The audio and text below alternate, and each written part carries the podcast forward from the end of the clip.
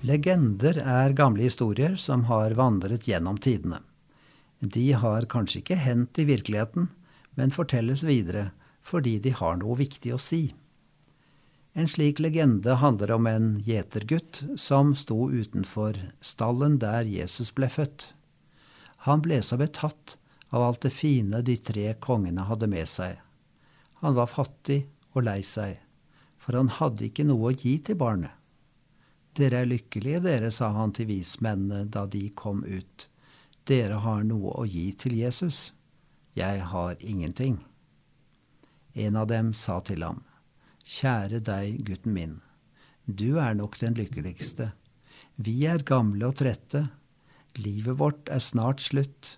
Du er ung, du har hele livet foran deg. Du kan gi deg selv. Lykkelig er du. Ja, slik er det. Gud er ikke opptatt av ting. Han eier jo alt i verden. Men han gleder seg når noen sier, Takk for at du har gitt meg livet.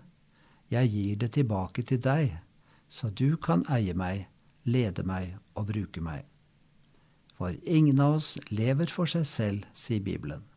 Vi hører Herren til. Har det fått betydning for hvordan vi tenker og legger planer?